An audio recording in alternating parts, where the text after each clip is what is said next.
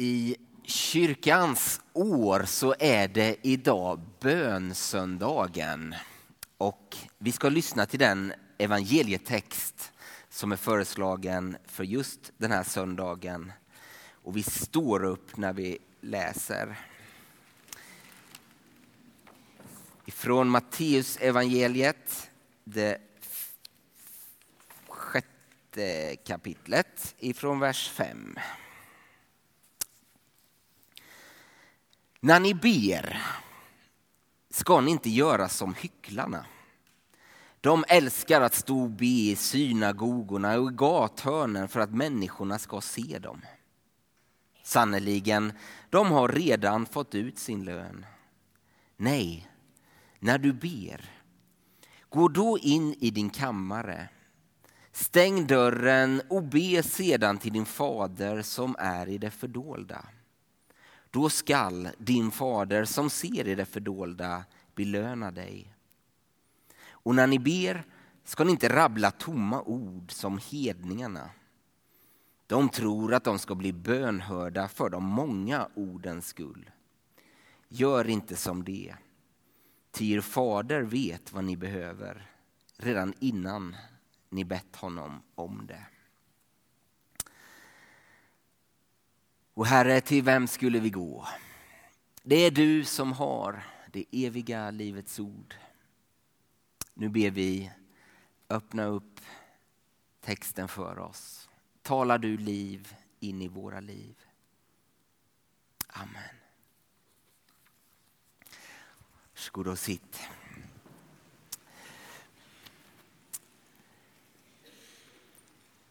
Vid det här laget så hoppas jag att ni som konfirmander särskilt, men också alla ni andra har en rad frågor till den här texten. Till exempel, vad var det att be som hedningarna? Som Jesus sa här. Jag har ett exempel. Det här är en bön till den egyptiske guden Amon Ra. Häll dig Amon Ra, Herren över tronen på jorden, den äldste över alla ting i himlen, allting stöd, gudarnas högste, sanningens herre, fader till gudar, skapare av människor och djur och örter, skapare av alla ting ovan och nedan, befriare för de lidande och förtryckta, de fattigas domare, visdomens herre, herre av barmhärtighet, mest kärleksfulle som öppnar ögonen, källa till glädje, i vars godhet gudarna jublar, du vars namn är dolt, du är den enda skapare av allt som är, den enda skaparen av gudar och människor, ger mat till alla. Häll dig du med många huvuden, du vakar när alla andra sover, vi tillber dig. Häll dig från alla varelser, från varje land, från himlens höjd, från djupen av havet. Anden, du har gjort, prisa dig och säger välkommen du, fader av fäderna av gudarna, vi tillber din ande som är i oss. Och det är bara början av bönen. Är det en ramsa som denna som krävs för att få Gudens uppmärksamhet? Försökte man rent av överträffa varandra i att få till så snygga formuleringar som möjligt.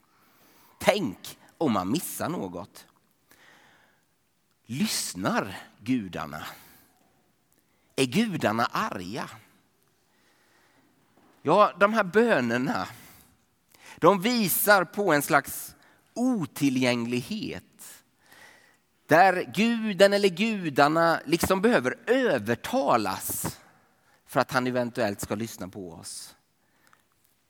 Vad kan man göra för att få dem på sin sida? Och det är mot den bakgrunden Jesus tar till orda och säger du behöver inte göra så. Det räcker med att du vänder dig till Gud som till en älskande förälder. På Jesu modersmål så är detta ord Abba. På arameiska.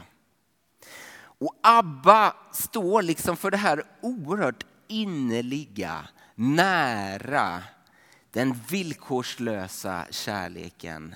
Ja, som en riktigt god älskande förälder. Och det är enligt Jesus så vi ska se på Gud och så vi ska se på oss själva. En av de sakerna jag tror att ni har haft med er under konfaåret det är den allra första berättelsen i Bibeln. Varsågod och sitt. Den som talar om hur den ursprungliga relationen mellan Gud och människan såg ut. När människan är skapad till något mycket gott, till Guds avbild. Sen uppstår det en splittring mellan människan och Gud som också får konsekvenser för relationerna människor emellan. Från en väldigt naken, öppen, ärlig relation så letar sig misstänksamheten in. Oron, känslan av att inte duga som man är, att inte räcka till. Och så står det i tredje kapitlet i första Mosebok hur, hur Gud liksom är i rörelse och letar efter människan. Men att människan då gömmer sig. Hon har blivit rädd för Gud. Men den trons fråga och den bönens fråga som liksom är bönens utgångspunkt som liksom har klingat sedan dess, det är ska vi låta oss bli funna? Och den kristna tron talar om en Gud som inte behöver övertygas eller som vi inte behöver dra till oss eller på något sätt försöka vädja till med massa långa ord. Utan tvärtom, en Gud som hela tiden söker oss. Likt en sol som strålar över oss. Och en Gud som inte nöjer sig med att vara på långt avstånd utan har kommit hit i Jesus Kristus, i den helige Ande och alltid finns nära oss. Så att gå in i sin kammare som Jesus talar om här för att be. Det kanske helt enkelt handlar om att ställa sig där och säga ja, här är jag. Jag vill bli funnen av dig. Jag vill ta emot av den kärlek som du låter stråla över mig. En av de finaste beskrivningarna om detta med att be i sin kammare som jag har hört på, på länge. Det kommer i och för sig från en påhittad karaktär men jag tror att det här är sant ändå. Jag tänker på den 17-åriga Sana i den norska ungdomsserien Skam. Hon beskriver vad bön är för henne så här. Bönen gör att man kan fokusera. Och det är för att man ska bli påmind om att man ska minnas det viktigaste i livet. Att vara en god människa. Alltså för mig att stressa mig igenom varenda dag med hundra tankar som snurrar i huvudet. Och allt kan vara ett enda kaos i vardagslivet. Men i samma stund som jag börjar be blir allting liksom helt stilla och tydligt. För även om allt är ett enda kaos minns man det som är viktigt för en. Allt blir liksom, ja, det känns bra. För allt ingår i ett större sammanhang och blir viktigt. Tänk om ni konfirmander, tänk om vi alla kunde få med oss denna goda vana. Att någon liten stund varje dag lägga allt annat åt sidan, till och med skärmarna och liksom söka Jesus. Och inte bara då försöka få svar på våra frågor. Även om jag tror att vi kan finna dem just i de där stunderna också. Men också detta att söka inspiration för att i mötet med andra människor kunna tänka att hjälp mig att se att det kanske är dig Jesus jag kommer möta idag. I de människor jag möter.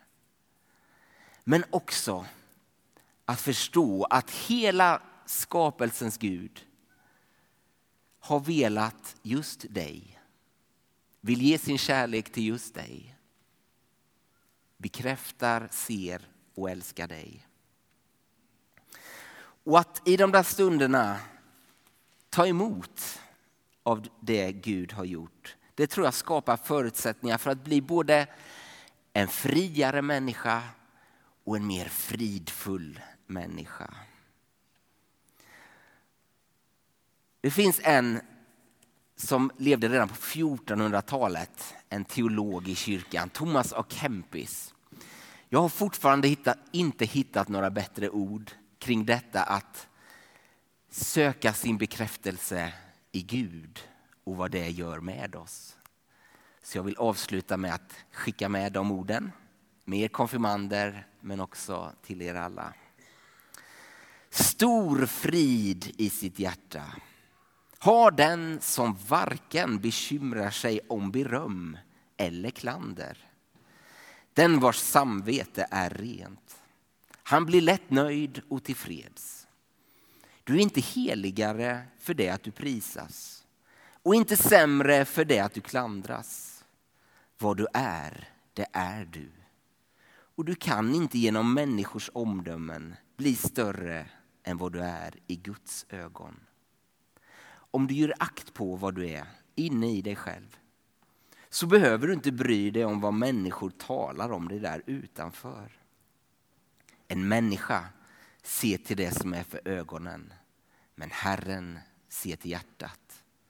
Människorna ser till gärningarna, men Gud ser till avsikterna.